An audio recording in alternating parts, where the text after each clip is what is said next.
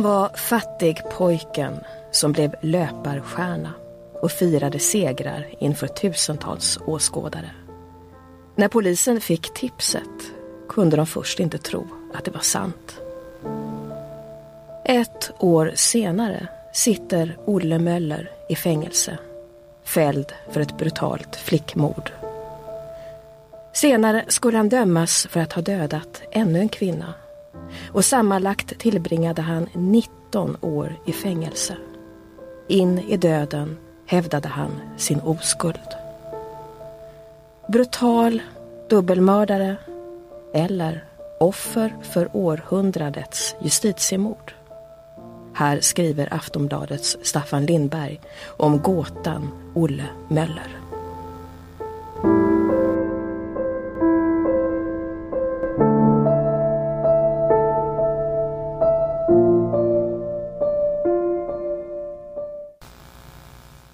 Pojkarna smög fram längs strandkanten med skridskorna runt halsen. Den första isen hade just lagt sig och sjön låg mörk i skymningen, inklämd mellan berget och kyrkogården. De borde ha varit hemma i de nybyggda arbetarlängorna för länge sedan, men tanken på isen gav dem ingen ro. För att inte bli upptäckta gick de fram på andra sidan kyrkogården, över ett litet sandtag som vette ner mot sjön. Där till hälften gömt i snön såg de något skymta.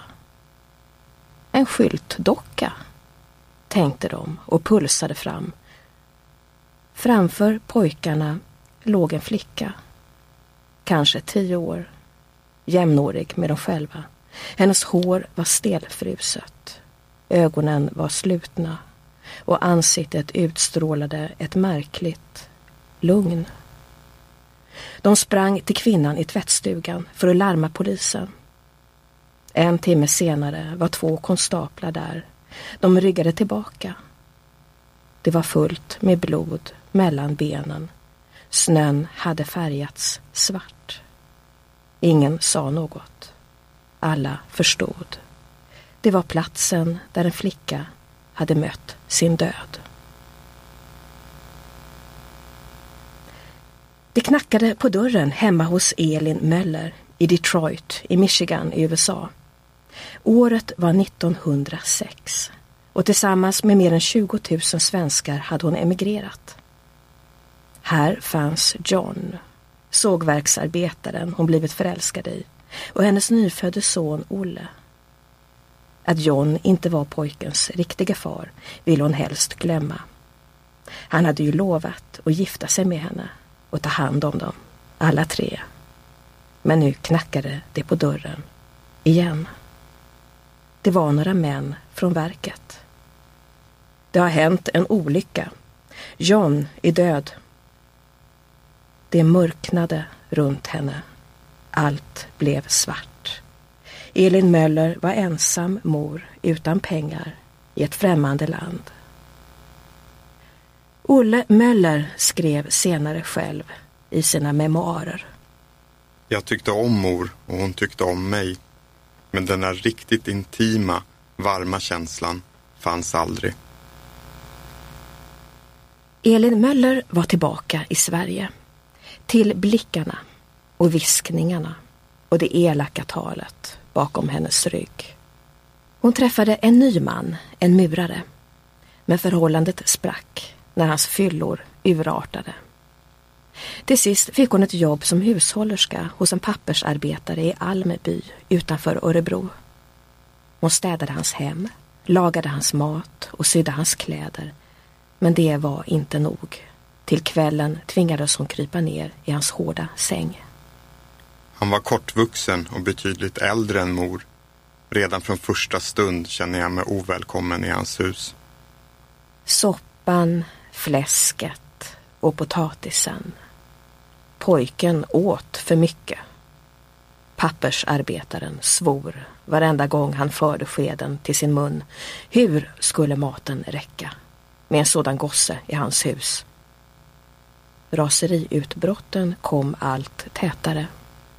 Ett par snabba örfilar och så rottingen. som ven över pojkens skinn och ben.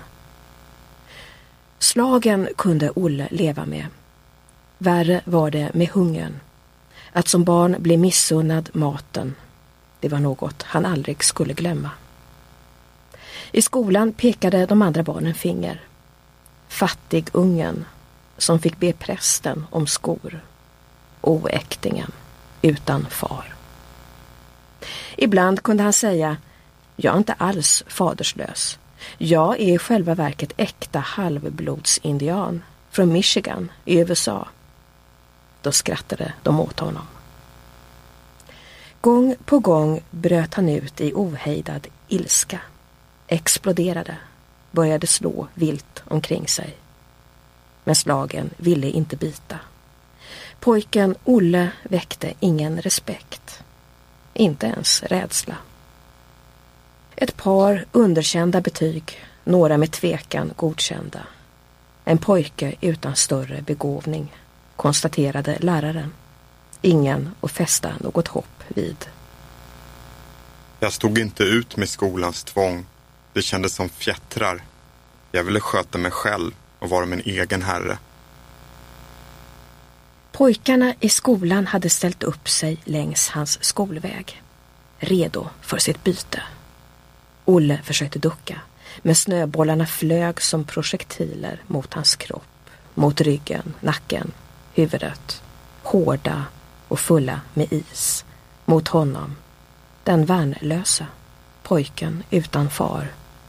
Ilskan de tvingade fram, de otyglade utbrotten de skrattade åt. Vad hade han gjort för fel?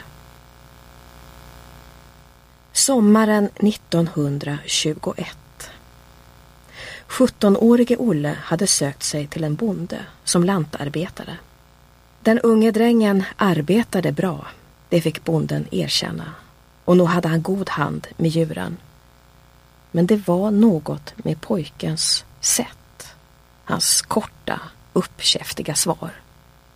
Ute på åkrarna växte bondens vrede. En dag slog det över. Jag ska jävlar i mig gräva ner dig, skrek han och rusade mot Olle med grepens vassa tänder. Han högg ursinnigt fram och tillbaka för att spetsa pojken. Olle Möller värjde sig bakom en spade. Sedan sprang han för sitt liv för att aldrig komma tillbaka. Slag på slag. Skinn mot skinn. Varje dag var han här. I boxningslokalen, vid sandsäcken. En ung man som tröttnat på att vara hunsad. Som var redo att ta kontroll över sitt liv, slå tillbaka. Olle Möller skulle bli boxare. Men för att lyckas gällde det att ha bra kondition. En dag frågade han några terränglöpare om han fick följa med dem ut i skogen. Först tvekade de, trodde han skulle få svårt att hänga med. Snart skulle de få ändra uppfattning. När de stönade och svettades och började springa tungt löpte jag lätt som en hind. De gånger han försökt springa på bana hade han känt sig instängd. I skogen fanns friheten. Från den dagen var det bara terräng som gällde. Han tränade hårt och systematiskt. Sprang timme efter timme, dag efter dag, längs böljande stigar. Det var tjugotal. Intresset för löpning var enormt och tävlingarna lockade folk i tusental. Han ställde upp i de svenska mästerskapen år 1928 på 8000 meter. Före tävlingen sprängde bröstkorgen av oro. Men så snart startskottet hade gått släppte trycket. Jag kände bara glädjen att få löpa. Ute i terrängen sprang han ifrån dem allihop. Han gick upp på pallen. Elins pojke, oäktingen, gossen utan skor. Svensk mästare. Han kände hjärtat slå. Det var som en saga. Segrarna skulle snart bli fler. Bästa distansen var 3000 meter. Tre år i rad vann han Sleipner-tävlingen på Skansen i Stockholm inför jättepublik. Jag var uppburen och applåderad, något av en nationell idol. Tidningarna skrev spaltkilometer om mig och jag fick ta emot pris från samhällets toppar. År 1930 hörde Stockholmsklubben IF Linnea av sig. De hade fått upp ögonen för den duktige 24-åringen från Örebro. Den stora löparklubben. Olle Möller tog namnet i sin mun. Linnea. Magiskt. Första dagarna ville han bara ge sig ut på gatorna och se folk. Känna tillhörighet. Sugas upp av Stockholms anonyma massa. Klubben ordnade ett jobb på ett bryggeri där han fick köra ut pilsner och svagdricka. Hela dagen for han runt i den stora bilen, skojade med kunderna och kände friheten av att få rå om sig själv. Olle Möller tyckte om att ta kontakt med okända. Såg sig som en människovän som gärna pratade bort en stund. Men alla uppskattade inte hans utåtriktade stil. Folk kallade honom påflugen och obehaglig. Sa att han var skrytsam och trög. Vännerna utanför klubben var få. Det är som en del är omgärdad av ett isbälte som man inte förmår att smälta ner. I skogen fortsatte framgångarna. Gunder Hägg, Arne Andersson, Paavo Nurmi. Han besegrade tidens stora namn. Att hans eget en dag skulle strykas ur landets idrottslexikon verkade otänkbart. Utanför Sveriges gränser välvde orosmolnen upp. Storbritanniens premiärminister Neville Chamberlain talade om fred. Få vågade ta hans ord på allvar. Olle Möller började arbeta extra med att sälja potatis. Han beställde hela skutor från Öland och sålde dem säck för säck. Löparkarriären gick mot sitt slut. Om kriget blev verklighet skulle det bli bränsleransonering. Då skulle varenda chaufför riskera att bli utan jobb. Bättre att lägga pengarna på hög. Arbetet gav resultat. År 1939 öppnade Olle Möller ett café intill den nya fotbollsarenan i Råsunda i Solna. Jag var nöjd med livet och välvde stora planer för framtiden. Då började Gärdhistorien. Hela mitt liv förändrades. Mina drömmar slogs i spillror. Gerd Sylvia Margareta Johansson bodde hos sina föräldrar på Birkagatan 23 i Stockholm. Fredagen den 1 december 1939 var hon tio år gammal. En fräknig flicka med sandréfärgat hår, stor för sin ålder, pigg och busig, med livet framför sig som ett enda stort äventyr. Efteråt skulle folk tala om hur snäll och artig hon var, hur hon brukade hålla upp dörren när portvakten kom. Alltid hjälpa mor och far där hemma. Så skulle det låta. När ondskan trängt glädjen och skratten ur huset. Fallet Gärd. Så har det stått i eldskrift för mig. Fallet Gärd som ändrade mitt liv. Det skulle bli en kall jul den första bistra krigsvintern. Dagen före hade Stalin förklarat krig mot neutrala Finland. Tiotusentals ryssar ryckte fram över Karelska näset. I kalla skyttevärn frös stupade soldater till is. Den svenska regeringen tvekade. Folket var allt annat än neutralt. På Stockholms gator började man genast samla in pengar, kläder och hjälppaket. Hundratals unga män fylldes av kamplust och tog värvning för Finlands sak.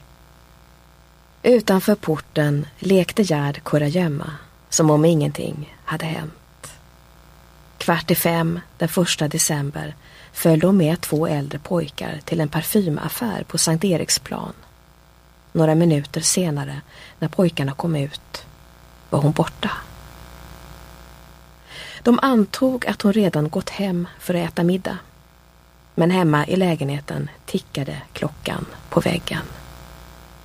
Minuterna gick och mor och far fylldes med oro. Var var deras flicka? De gick från hus till hus, kvarter till kvarter. Ingenstans fanns Gerd. Morgonen därpå gick fru Elvira Johansson till polisen.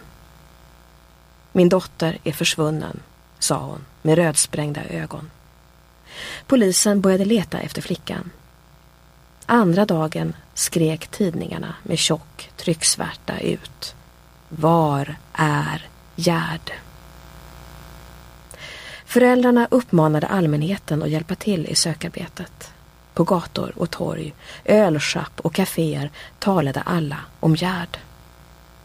Hade hon råkat ut för en våldsman? Fanns det fortfarande chans till ett lyckligt slut? Dagarna gick och tiden såg ut att vara på väg att rinna ut. I själva verket låg timglaset redan slaget i spillror.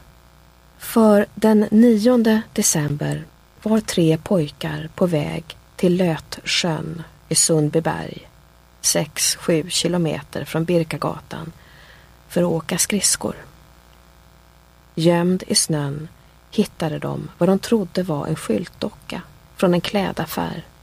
De gick närmare och upptäckte det ohyggliga, en flickas stelfrusna kropp. Mördaren såg flickan på Sankt Eriksplan där hon stod och väntade i toppig luva och gummistövlar. Han ropade henne till sig och erbjöd en slant för att gå och köpa något gott. Hon neg och tog emot myntet. Minuten senare kom hon tillbaka besviken. Konditoriet var stängt. Då ska jag skjutsa dig till ett som är öppet, sa mördaren. Gerd gjorde en avväpnande gest, en barnslig rörelse med kroppen som hon ville säga Låt mig vara. Ändå såg mördaren att hon inte var skrämd. Han bytte taktik. Försökte locka till sig henne genom att säga snälla saker. Steg för steg närmade sig flickan den smutsiga bilen. Då tog mördaren ett kraftigt tag i hennes bröst och slet ner henne i baksätet. Ut mot torget hördes ett svagt rop på hjälp. Sedan skyndade mördaren hukande till förarsätet, drämde igen dörren och försvann från platsen med flickan i sitt våld. Obduktionsrapporten var chockartad. Gerd Johansson hade troligen strypts med sin egen halsduk. Kort före döden, kanske när hon redan var medvetslös, hade hon blivit våldtagen. Utsatts för sexuellt övervåld, som formuleringen löd. Kanske hade gärningsmannen mördat henne för att han tyckte om att döda. Kanske för att han fick panik när hon skrek på hjälp. Flickkroppen hade kastats ut innan kroppen blev likstel, inte mer än någon timme efter att hon rövats bort. De första dagarna stod polisen rådlös. På tidningarna ringdes extra personal in. Folk var i uppror. Grip mördaren nu, krävde de. Aftonbladet höjde belöningen från 200 till 5 000 och slutligen 10 000 kronor en förmögenhet då. Trycket på polisen närmade sig kokpunkten. Då började tipsen strömma in. Strax före klockan fem hade någon sett Gerd stiga in i en bil på Torsgatan, ett hundratal meter från Birkagatan 23. Föraren ska ha varit en man i trenchcoat. På flickans kappa hade man hittat fibrer i jute, kanske från en säck, och 305 hårstrån från en hund. Polisen sökte därför efter en person med bil och hund. Nu kom än fler tips. Flera handlade om samme man, Olof Manfred Möller. Han hade hund och en skåpbil som gick på gengas fylld med gamla säckar. Men namnet kom som en chock för polisen. En idrottsstjärna och särskilt en löpare var själva definitionen av renhårighet. Var detta verkligen möjligt? En framgångsrik man får ofta fiender. Jag hade avundsmän och hade stött mig med en del personer. Olle Möller bar visserligen aldrig trenchcoat, men andra uppgifter gjorde att han ändå blev misstänkt. Vittnen berättade att de hade sett honom vid Torsgatan och folk i hans närhet påstod att han var intresserad av små flickor. Han greps, nekade och släpptes efter bara en vecka. Bevisen var för svaga. Men misstankarna mot Möller levde kvar. Efter nära ett års spaning anhölls han på nytt. Den här gången hade åklagaren mer på benen. Olle Möller häktades, misstänkt för våldtäkt och mord. Tiden i häktet var ett helvete. Vakterna kallade mig förbannade mördare och hotade hela tiden med stryk. Förhören pågick dag och natt. Om och om igen ställdes samma fråga. Vad gjorde ni klockan fem den första december? Olle Möller försökte minnas. Letade stressat efter alibi. Trasslade in sig i detaljer. Sa att han hade träffat personer han inte hade sett. Varit på platser där han inte satt sin fot. Till slut slog han fast sin slutliga version. Att han hade kört ut ett parti potatis till en butik på Frejgatan runt femtiden och därefter träffat en idrottskamrat och åkt till ett garage. Men uppgifterna kunde inte bekräftas.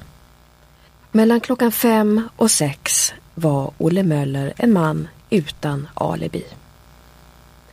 Över hundra av hans kamrater och kvinnobekanta hördes. I tidningarna var tonen hetsk och Möller svartmålades på lösa grunder.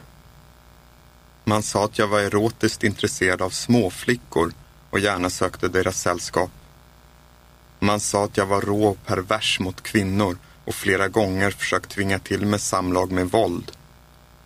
Man sa att jag avlivat min hund för att undanröja bevis. Man sa att jag setts med flickan, först vid Torsgatan, sedan vid Lötsjön. Man sa att jag inte hade något alibi för tidpunkten för mordet. Man sa att jag uppträtt osäker efter mordet och därmed avslöjat mig som brottslingen. De ville visa för allmänheten att de hittat en mördare. Men inget av detta var sant. Jag var oskyldig. Några år tidigare hade Elise Ottesen Jensen grundat RFSU och inlett sitt arbete med att rikta ljuset in i det mest förbjudna svenska folkets sexliv. Nu skar frågorna under rättegången som rakblad genom den tidens stränga sexualmoral. I tidningarna anklagades Olle Möller för att ha förstört sitt äktenskap genom att vara kroniskt otrogen och våldsam. Hans före detta hustru tvingades till förnedrande förhör. Pressad och skrämd ställdes hon framför öppen ridå.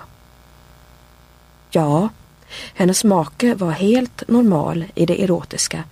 Nej, hon hade inte märkt några avvikande tendenser. Nej, hon hade inte blivit tvingad till något. Vittnen som kände Olle Möller hävdade att han sökte umgänge med varje kvinna han träffade. Ibland frivilligt, ibland med våld. Möller av starkt erotisk läggning, löd en tidningsrubrik. En 15-årig flicka som brukade gå ut med Möllers hund pekades ut, men skaffade läkarintyg på att hon fortfarande var oskuld. Olle Möller höll fast vid att han inte gjort något fel. Jag var en normal, varmblodig man med en sådan mans normala drifter. Jag behövde verkligen inte tvinga till mig något och särskilt inte av ett barn. Jag hade kvinnor att välja bland om jag ville tillfredsställa mig. Åklagaren försökte visa att jag skrutit om mina erotiska framgångar. Än sen. Jag var lik det överväldigande antalet män. Än mer besvärande var historien om hunden Kay. Den trogne chefen som alltid låg längst bak i Olle Möllers skåpbil ovanpå potatissäckarna. En kort tid efter mordet hade Möller gått till veterinären för att avliva hunden. I formuläret uppgav han att han hette Pettersson. Sedan bad han veterinären skriva ett annat datum på kvittot. Hunden var svårt sjuk, men jag var ändå bedrövad. Det kändes som jag lämnade min vän till böden. Att ange falskt namn var en spontan reaktion. Jag ville inte att det skulle stå att det var jag som hade dödat hunden. Datumet hade med hundskatten att göra, påstod han. Genom att ändra det skulle han kunna få tillbaka pengar. Hundhåren som hittades på Gerd Johanssons kappa analyserades av en professor i veterinärmedicin och jämfördes med det man hittat i Möllers hem. På samma sätt jämfördes fibrerna. Det var första gången ett liknande test hade gjorts i Sverige och intresset var enormt. Men svaret blev en besvikelse. Det gick inte att utesluta att hundhåret på kappan kom från Möllers chefer. Men det gick heller inte att utesluta motsatsen. Det psykologiska testet. Olle Möller fördes in i ett slutet rum och presenterades för en psykolog. Man pekade på en tavla där det stod en serie med siffror. Sedan band man fast en halsduk över ögonen och bad honom upprepa serien. Testet gick bra och han skulle just förbereda sig för nästa. Då kom en annan psykolog in. Jag behöver min halsduk nu. Ni får ta den här istället. Den här gången blev Olle Möller ställd. Han lyckades inte upprepa en enda siffra. Halsduken hade tillhört Gerd Johansson. Testansvarige docent Valdemar Falenius sammanfattade. Hans reaktion utgör enligt min uppfattning det synliga tecknet på igenkänning med därav föranledda rubbningar av hans uppmärksamhet och minnesverksamhet. Möller skyllde reaktionen på avbrottet, på att han blivit stressad. Även om jag hade varit gärningsmannen skulle jag inte kommit ihåg en halsduk jag sett i halvmörkret ett år tidigare. Det var ett idiotiskt test. Psykologi på barnkammarstadiet. Skyldig eller oskyldig? Tidningsskriverierna ville aldrig ta slut. Krigsvintern 1941 var Olle Möller namnet på allas läppar. En hel del talade för att han inte hade gjort det. De vittnen som sett Gerd försvinna hade svårt att peka ut Möller när han ställdes upp mellan storväxta poliser. Och varken bilen eller kläderna stämde överens med deras vittnesmål. Men advokat Hugo Lindberg fick dåligt gehör. I takt med att skriverierna tilltog och belöningen ökade ändrades berättelserna. Personbilar blev skåpbilar. Trenchcoatar, sportjackor. Och fler detaljer kom plötsligt till månader efter de första förhören. Runt mig märkte jag hur det vävdes ett nät av halvsanningar, lögner och fria fantasier. Åklagaren framställde mig som ett monster i människohamn. En allvarlig omständighet var att Möller hade setts tvätta skåpbilen på centralgaraget strax efter mordet. Den första dagen i rätten utsattes han för korsförhör i sju timmar. Man la fram bilder på den döda flickan. Nå, vad säger Möller om bilderna? Jag tycker de är hemska, svarade han utan att röra en min. Vissa frågor skulle provocera.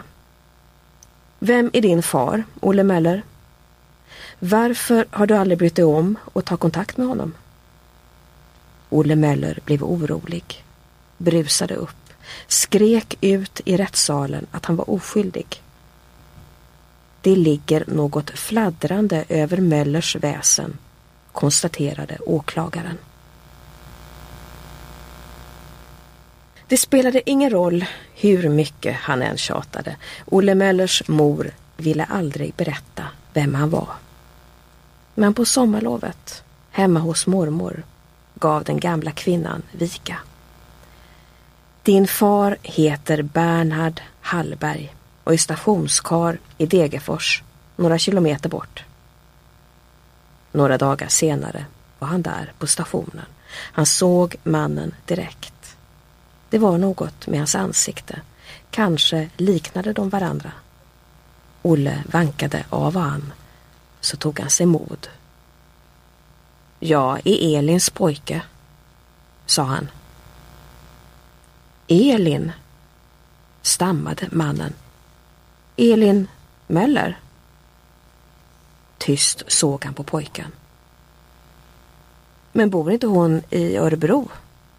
Fick han fram. Olle förklarade ivrigt vad han gjorde i Degerfors, att han var här för att hälsa på mormor och morfar. Det fanns så mycket han ville berätta, men mannen verkade otålig. Han tittade på klockan. Tåget kommer in strax. Gå till perrongen. Pojken tittade bort över den tomma rälsen en stund utan att se något tåg. Sedan vände han sig om. Bernhard Hallberg var inte längre där. I över en timme väntade han, men mannen som var hans far dök aldrig upp igen. Ännu en pusselbit kom på plats. En man på häktet hävdade att Möller försökt få honom att ge falskt alibi. Därefter skulle han ha erkänt mordet. Möller nekade. Men rätten ansåg att indiciekedjan var sluten. Man vill ha en syndabock att avreagera sig mot. Det var primitiva känslor som var tvungna att få utlopp. Den 7 mars 1941, efter över ett år av polisarbete, tolv ransakningar och inte ett enda tekniskt bevis, föll domen. Stockholms tingsrätt gav Olle Möller tio års straffarbete för mordet på Gerd Johansson. När domen lästes upp rörde han inte en min.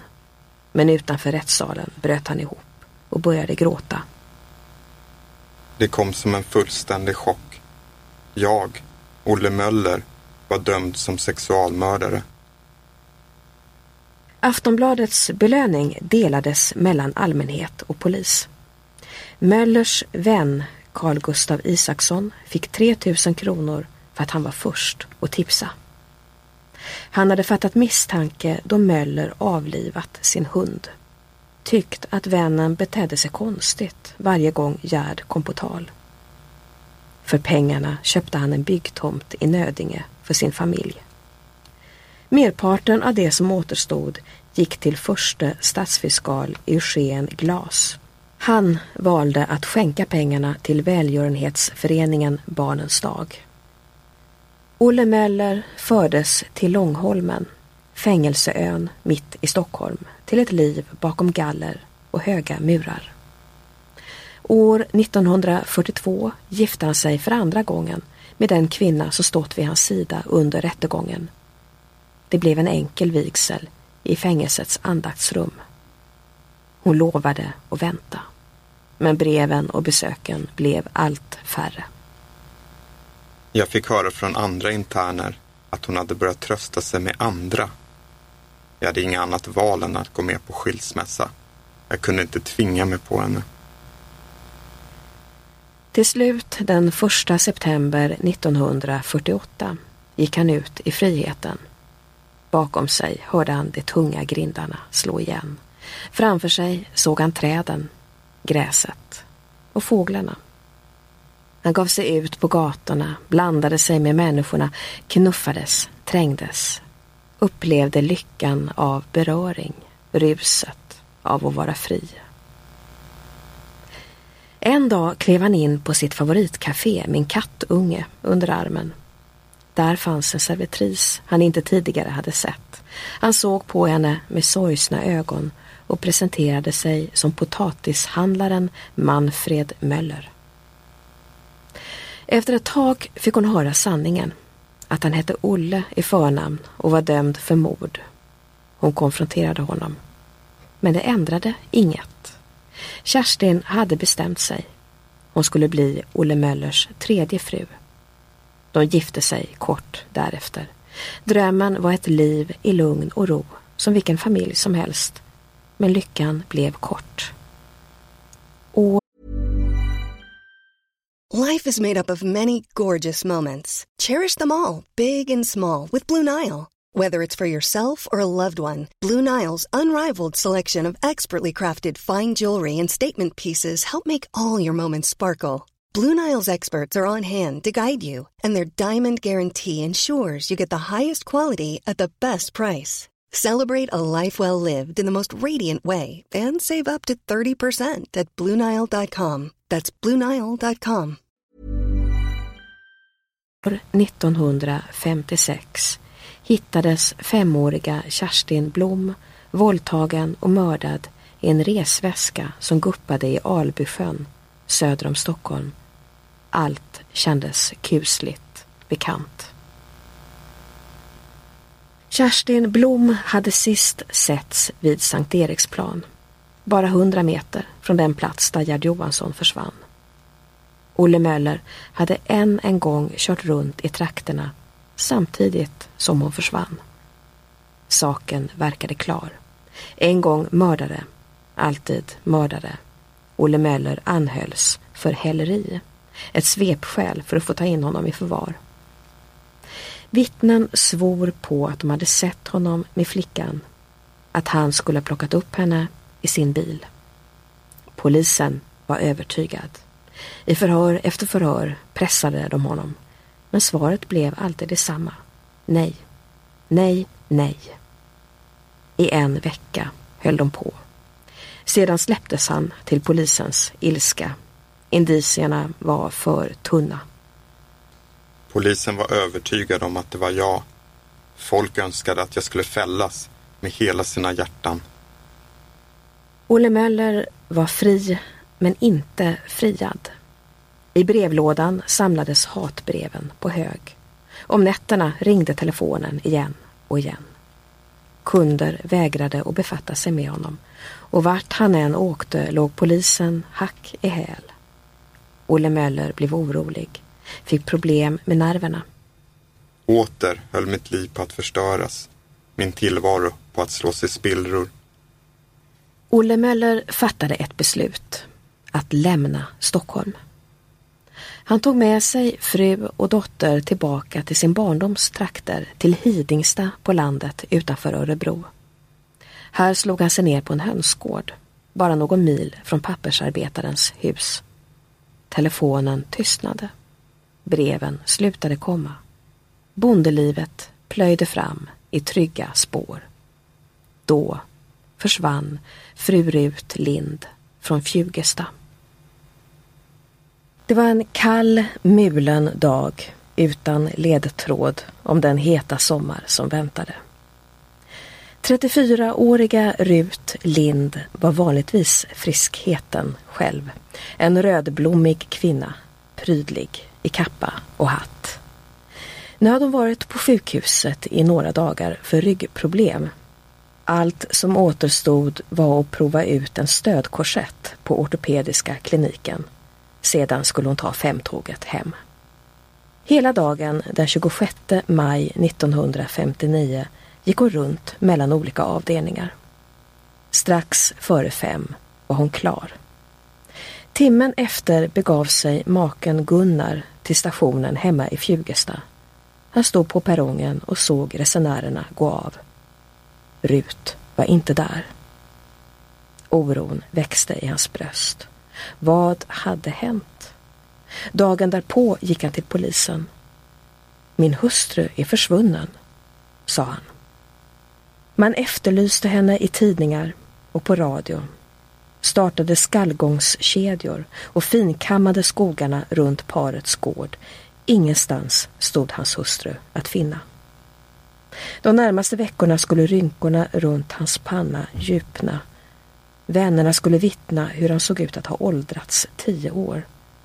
Gunnar Lind vägrade att inse det andra talade om, ville fortsätta att leta in i det sista. Mördaren hade stannat bilen på skogsvägen utanför Fjugesta. Det handlade om sex. Han ville, men inte hon. Inom sig kände han ilskan växa, hur den höll på att slå över i något annat. En kraftig impuls. Att döda. Han slet ut kvinnan ur bilen och tog tag om hennes hals, tryckte så hårt han orkade men hon lyckades komma ur hans grepp. Han försökte slå henne över ansiktet men än en gång lyckades hon slita sig loss. Så fick han tag om henne bakifrån. Han drämde till henne i huvudet. Igen och igen. På det tredje slaget sjönk Rut Lind ner på marken, död. Mördaren rusade tillbaka till bilen och åkte skakad därifrån. Senare på kvällen när ruset hade lagt sig fylldes han av oro. Tänk om någon hade sett honom. Platsen var inte bra. Kroppen måste flyttas. Tidigt nästa morgon var han där igen. Han lyfte upp Rut Linds döda kropp och släpade bort den till bilen. Senare körde han iväg till en skogsväg i Dylta på andra sidan av Örebro. Bakom en lång vedtrave några meter in från skogsstigen dumpade han liket. Han arbetade länge och omsorgsfullt. När han hade täckt henne med ris åkte han från platsen. En mördares arbete var till ända. Men kvar på marken låg en tandprotes, fullt synlig. Under allt större press försökte polisen sammanfatta läget. Sista gången Rut Lind hade setts var utanför sjukhuset klockan fem den 26 maj. Vad som hade hänt sedan var okänt. Dag efter dag strömmade tipsen in. En bekant som också var på sjukhuset berättade att Rut Lind hade sagt att hon skulle få skjuts hem av en man i rutig skjorta. Andra besökare vittnade hur de hade sett en skjortklädd man gå från sal till sal och leta strax före klockan fem. Polisen hade sitt spår. Jakten på skjortmannen fick högsta prioritet. Olle Möller hade varit på kliniken samma dag. Han hade gjort illa ryggen när han försökt springa igång en bil och åkt till sjukhuset för att få träffa en doktor. På sig hade han en blårutig skjorta. Polisen reagerade direkt på det märkliga tipset. Den dömde flickmördaren. På sjukhuset. Olle Möller. De satte hans hem under bevakning och ryktet började spridas. Olle Möller hörde viskningarna bakom ryggen. Skjortmannen. Där går skjortmannen. Tidningarna skrev att mannen i skjortan tidigare var straffad för ett sexualmord. Men journalisterna visste ännu inte vem han var. För Olle Möller blev situationen ohållbar. Han ville få slut på ryktena och vände sig till Aftonbladets reporter Börje Hed. Du måste hjälpa mig, sa han. Nu är de jävlarna efter mig igen. Varför då? undrade Hed. Möller spände ögonen i honom. Begriper du inte? Det är jag som är skjortmannen. Aftonbladets löpsedel dagen därpå, måndagen den 22 juni 1959, blev historisk. Olle Möller är skjortmannen, stod det. Olle Möller skriver senare i sina memoarer om lumpen i trängtrupperna på T1 i Örebro år 1927. De andra soldaterna gaddade ihop sig mot honom, tryckte ner honom med fasta grepp och hårda slag. Vad gjorde han för fel? Jag har så ofta undrat över den där egendomliga mentaliteten som skapas hos vanligen hyggliga pojkar så snart de får makt att plåga någon. Kanske elakhet och grymhet ligger latent hos oss och inte behöver mycket för att flamma upp. Redan den första juni hade lantbrukaren Arnold Larsson hittat en slängd tandprotes intill en skogsväg i Dylta. Det var på andra sidan Örebro. Att den skulle tillhöra den försvunna kvinnan det skrevs om i tidningarna hade aldrig slagit honom. Till slut satte han in annons i lokaltidningen under rubriken Upphittat. Den 25 juni blev polisen intresserade. De bad honom peka ut platsen. 20 meter bort låg Rut Lind under risbuskarna. Hon hade skador i strupen, krossår i huvudet och spräckt skalle. Ett offer för en bestialisk våldsverkare konstaterade rättsläkaren Ingrid Lingmark, den enda kvinnan i mordutredningen. Inget tydde på att hon hade våldtagits. Riksmordkommissionen reste från Stockholm till Örebro samma dag. Stora hotellet fylldes av journalister från landets största tidningar. Några skälvande dygn skulle följa. Ingmar Johansson gick upp i ringen mot amerikanen Floyd Patterson och slog knockout i tredje ronden. Det osannolika hade hänt. En svensk hade blivit världsmästare i boxning. Olle Möller var en av miljoner svenskar som satt framför radion. Men han hade svårt att känna glädje. Han anade att hans dagar var räknade, att polisen snart skulle slå till. De stoppade honom när han var på väg från Örebro fyra dagar senare. Sent samma kväll åkte Börje Hed ut till Hidingstad för att intervjua Kerstin Möller för Aftonbladet. Det var en lugn, varm sommarnatt. Månen glänste på gårdspumpen och till och med de 500 hönsen verkade ha kommit till ro. Till sent på kvällen hade Kerstin Möller försökt svara på den åttaåriga dotterns oroliga fråga. När kommer pappa hem? Nu satt hon ensam i köket, tom efter dagar av ängslan. Jag har gjort så gott jag kunnat, men nu orkar jag inte mycket mer sa hon och la händerna i knät. Utanför ljusnade det. En ny dag höll på att bli till, fylld med oro för framtiden. På polisstationen ökade trycket på Möller. Om och om igen tvingades han redogöra för vad han hade gjort den 26 maj.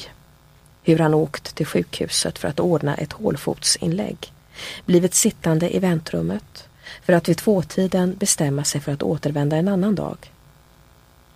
Vid halv fyra-tiden tog jag en moped ner till saluhallen för att få betalt för några äggleveranser. Därefter åkte jag hem för att byta kläder och sedan, klockan halv sex, åkte jag tillbaka till saluhallen för att hjälpa fiskhandlare Mellgren med vissa sysslor. Därefter tog jag mopeden till kexfabriken där jag blivit lovad foder till mina höns. Därefter åkte hem till Hidingstad och tillbringade natten hemma. Så gick det till. Jag hade inte en aning om hur fru Lind såg ut. Inte det ringaste minne av att ha sett henne i väntrummet. Förklaringarna var mer än tillräckliga för att han skulle släppas omedelbart, menade Möllers advokat. Men åklagaren såg en annan sanning. Han hävdade att Olle Möller istället hade tagit kontakt med Rut Lind på sjukhuset och gjort upp om att skjutsa hem henne till Fjugesta efter besöket. Att han senare skulle ha lånat fiskhandlare Mellgrens gröna lastbil på Saluhallstorget. Med fiskbilen skulle han ha plockat upp Rut Lind strax före klockan fem och satt av mot Fjugesta. Någonstans längs vägen skulle han ha försökt att närma sig henne men blivit avvisad. I vredesmod skulle han ha dödat henne och dumpat hennes kropp.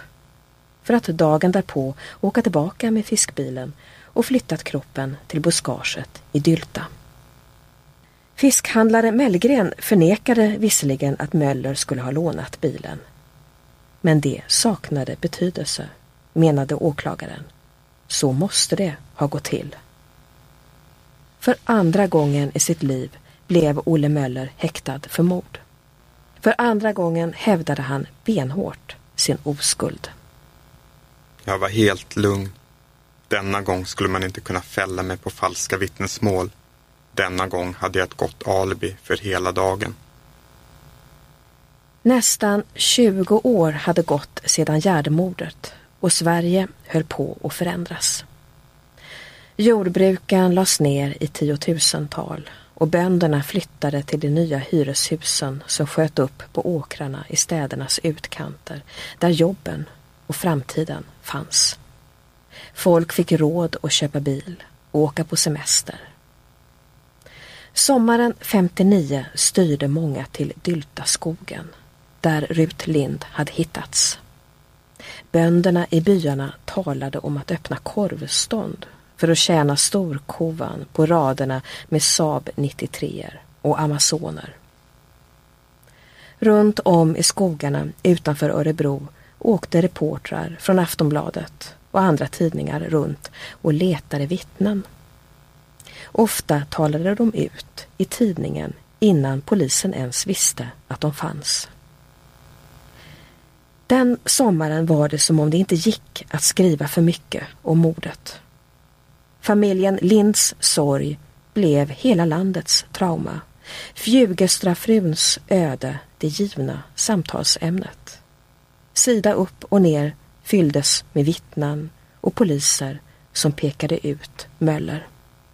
Sällan antyddes möjligheten att han inte skulle vara skyldig, att fallet ännu inte var löst. Än en gång fäste tidningar ut stora belöningar för uppgifter som ledde till att mördaren kunde fällas. Även journalisterna hade förändrats. Borta var den äldre tidens hövliga frågor till makthavarna. Nu var det en annan, mer aggressiv stil som gällde i det rasande upplagekriget. Tidningarna rasade som uthungrade vargar man dröp av hat mot mig. Allmänheten hade tagit ställning. Men allmänheten var en dålig domare. På kvällarna träffades journalisterna i restaurangen på Stora hotellet i Örebro. Mitt bland dem satt Möllers advokat Einar van der Welt. Kväll efter kväll bjöd han på champagne och skålade, nöjd över sin plats i stormens öga. En gång var han så trött att han somnade i rättssalen dagen därpå. Kan någon vara så vänlig och väcka advokat van der Welt? tvingades domaren utbrista. Åklagaren hade hoppats hitta spår av fiskfjäll på Rut Linds kläder som skulle ha visat att hon suttit i Mellgrens bil. Men analysen blev en besvikelse. Resten av den tekniska utredningen gav lika lite. Enligt obducenten hade det runnit ut en och en halv liter blod ur fru Linds kropp. Men i förarhytten till Mellgrens fiskbil och på Möllers kläder hittade man inte en droppe. Åklagarens intresse riktades istället åt ett annat håll. Vittnena. Utfrågningarna kom att föras i en hetsk stämning, som om saken redan var klar. Olle Möller nekade först att han överhuvudtaget skulle ha sett Rut Lind på sjukhuset. Sedan, när flera vittnen intygat att de syns tillsammans, tvingades han krypa till korset. Det är inte omöjligt att vi växlat något ord, men jag upprepar, vad jag är medveten om har jag inte talat med fru Lind. Nästa steg i den vittneskedja åklagaren höll på att bygga upp blev en man som hade stått vid vägskälet vid gummifabriken i Nybble. Han hade sett en person som liknade Olle Möller svänga in med fiskbilen och en kvinna vid sin sida. Andra vittnen berättade hur de senare sett fiskbilen åka tillbaka mot Örebro längs en annan väg. Åklagaren ritar upp en dödens cirkel i vilken Fjugestafrun måste ha blivit mördad och dumpad. Nyckelfrågan blev om det var möjligt att hinna hämta fru Lind i Örebro klockan fem, köra dödens cirkel via vägskälet i Nybble och mordplatsen och sedan vara tillbaka i staden klockan sex då Möller sätts i saluhallen. Utan tvekan, hävdade åklagaren. Inte alls, menade Möller och van der Welt. Jag skulle alltså först ha övertalat fru Lind genom min flödande charmörförmåga att åka med och sedan varit tvungen att köra hela sträckan i rusningstid. Sen måste man också rimligen räkna med att jag skulle ha tid att övertala fru Lind godvilligt till en hederstund och, när inte det gav resultat, döda henne och gömma kroppen. Även om jag kört den snabbaste sportvagn skulle jag inte ha hunnit. Aftonbladet hyrde fiskbilen för att själva köra den 55 kilometer långa Dödens cirkel. Provtur bekräftar att fiskbilen hann hålla tiden, löd rubriken nästa dag. Polisen bestämde sig för att göra samma sak. Men under tiden hade någon hunnit kvadda fiskbilen. Ett viktigt led i bevisningen var förstört. I takt med tidningsskriverierna blev vittnena allt fler. Människor trädde fram efter flera månader. De talade om att de sett fiskbilen, en här, en där, ute i skogarna. Många vittnesmål var märkligt detaljerade med tanke på att det gått så lång tid. Varför de väntat var oklart.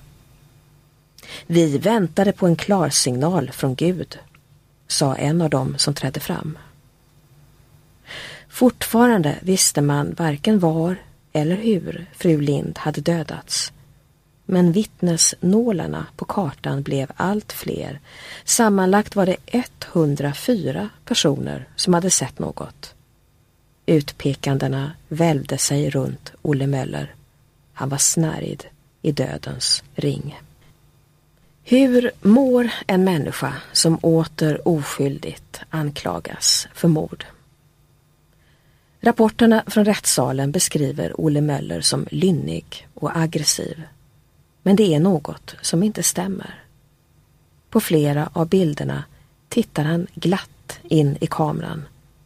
Framför journalisterna, leende. Bredvid sin oroade hustru, leende. Intill försvarsadvokat van der Welt, leende. Njuter han av uppmärksamheten? Påminner det honom om ungdomens berömmelse? Att åter få vara i händelsernas mitt? Rättegången mot Olle Möller skulle börja den 28 oktober. Folk köade i timmar för en plats.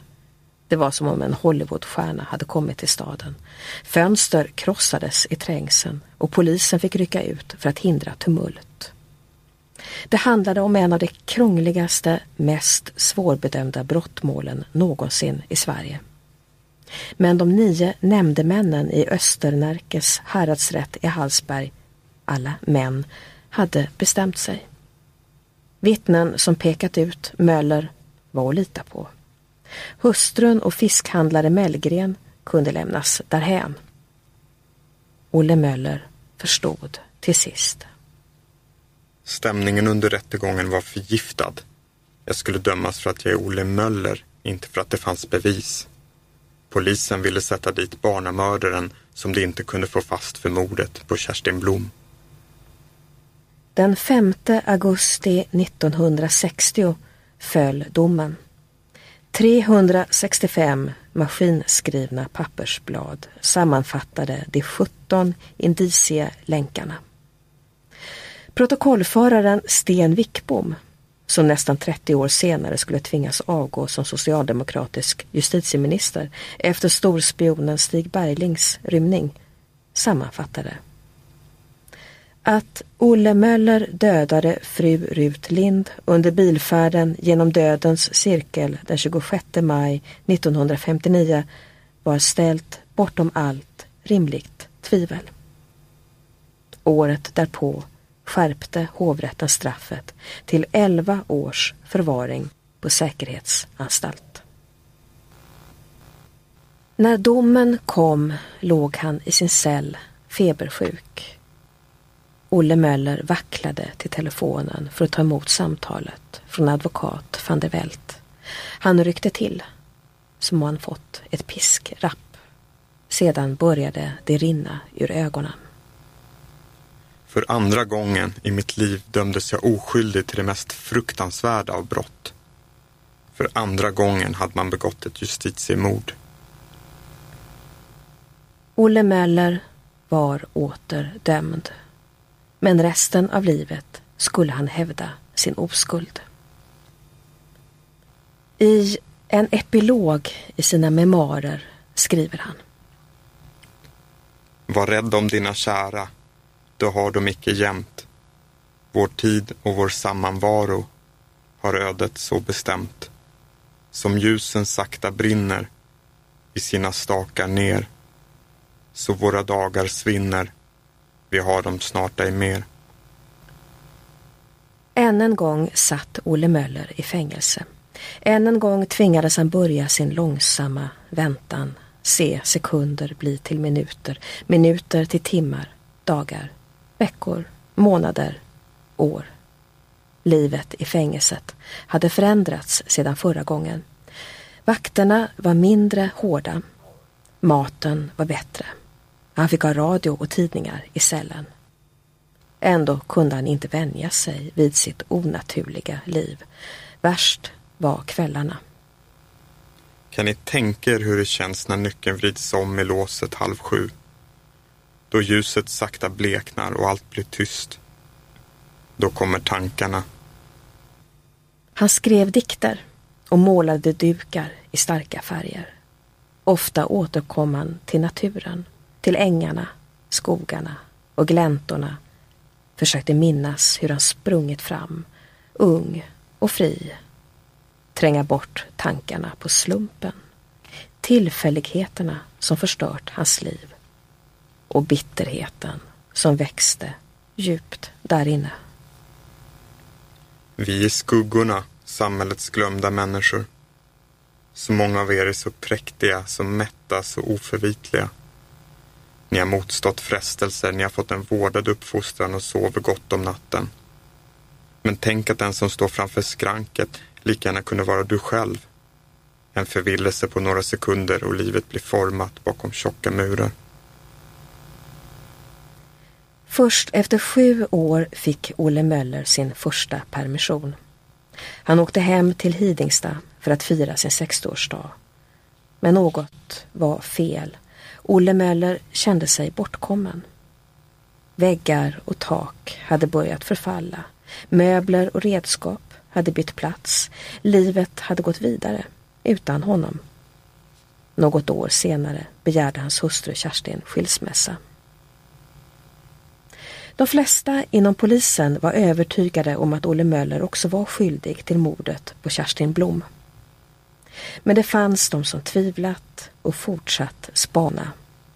År 1963 greps Karl Hugo Fernström för mordet. Ställd inför tung bevisning erkände han. Jurister och journalister började nu få upp ögonen för Olle Möller. Kanske var han oskyldig även till morden på Gerd och Rut. Nya detaljer kom fram kring järnmordet. En viktig punkt mot Möller hade varit hundhåren på flickans kappa. Nu, 25 år senare, trädde grannar fram och vittnade om att de hade sett flickan leka med en annan hund på gården av samma ras som Möllers.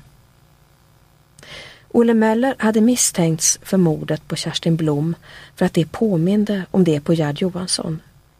Kanske var det i själva verket så att det var Fernström som dödat dem båda två.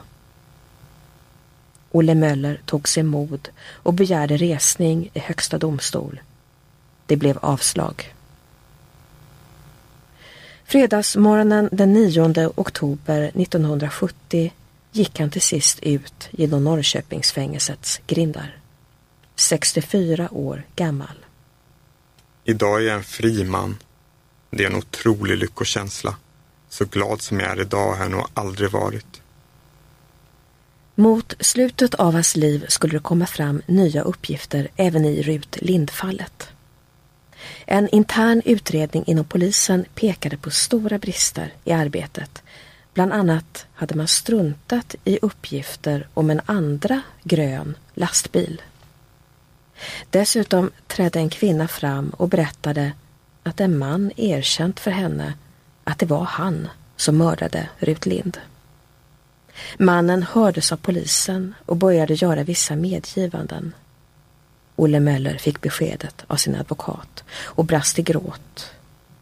Men bara ett par veckor innan mannen skulle kallas till ett formellt förhör dog han.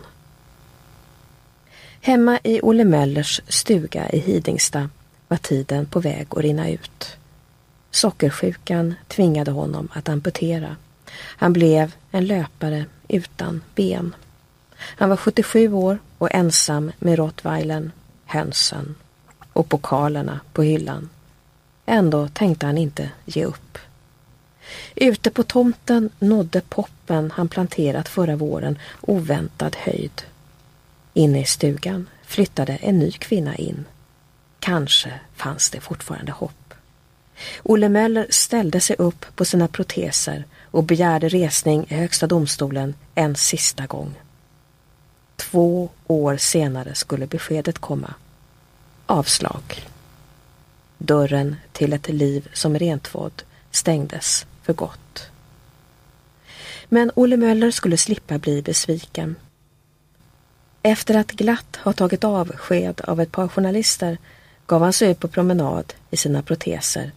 Han vände sig om för att ropa på hunden, föll och bröt lårbenshalsen. Det blev slutet för Elins pojke. På sjukhuset somnade han in. Fattigbarnet, löparesset, mannen som två gånger dömts mot sitt nekande, som in i det sista trott på upprättelse, var död.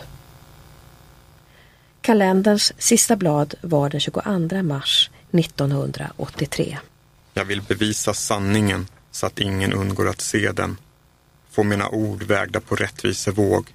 Rent få mitt namn en gång för alla. Jag, Olle Möller, vill se folk i ögonen utan att bli betraktad som en mördare. Gå som en fri man bland fria män utan att väja för fula ord. Jag är oskyldig. Olle Möller satt i fängelse i 19 år. Ingen annan svensk har suttit så länge bakom galler mot sitt nekande och utan tekniska bevis. Brutal, dubbelmördare eller två gånger offer för ett fruktansvärt justitiemord. Invändningarna mot rättegångarna mot Olle Möller har de senaste årtiondena vuxit sig allt starkare. Allt fler är övertygade att han satt oskyldigt dömd. Kritikerna menar på att det vittnesmål som talade mot Möller godkändes, medan det som stödde honom underkändes. Samtidigt som en rad andra spår lades ner. Man pekar också på att vittnen kan ha påverkats av tidningsartiklarna som skapade en bild av att Möller var skyldig. Liksom de väldiga belöningarna. Många vittnesmål ändrades under utredningens gång för att bättre passa in i åklagarens bild. Andra tonar ner talet om justitiemord. Christian Diesen, professor i processrätt vid Stockholms universitet, har svårt att se att det gjordes några större misstag under rättegångarna. En domstol skulle troligen ha valt att fälla på samma indicier även idag, säger han. Länge verkade det som Olle Möller tagit svaret med sig i graven. Men DNA-tekniken har väckt nytt hopp. Marie Allen är docent vid Uppsala universitet och en av landets främsta experter på DNA-teknik. Hon kallas ofta in i polisutredningar när DNA-spåren är skadade eller måste utvinnas på ett mer komplicerat sätt. Tidigare har hon bland annat tittat på den kula som dödade kung Karl XII. I framtiden hoppas hon kunna titta på Gärdmordet. Det finns otroligt mycket material sparat. Det vore intressant att gå igenom det och leta spår, säger hon. En forskare som redan är gåtan på spåret är Peter Savolainen, doktor på KTH i Stockholm och expert på hundhår. Hans idé är att utvinna DNA-profiler ur de sparade håren på Gerds kappa och det från Olle Möllers chefer. Matchar de är Möller sannolikt skyldig. Håren är i dåligt skick och Savolainens första försök i slutet av 90-talet misslyckades. Men utvecklingen på området går snabbt och för varje år förfinas tekniken. Jag har goda förhoppningar och lyckas ta fram en tillräckligt bra DNA-profil inom de närmaste åren. Tekniken finns i stort sett redan idag, säger Peter Savolainen. De bäst bevarade hårstråna är däremot försvunna. Peter Savolainen har hört att de ligger och samlar damm på någon forskarinstitution i Sverige. Hade vi haft dem här skulle vi troligen ha svaret idag. Han vädjar till alla som vet något att höra av sig till Aftonbladet. Hoppet att lösa gåtan Olle Möller lever än.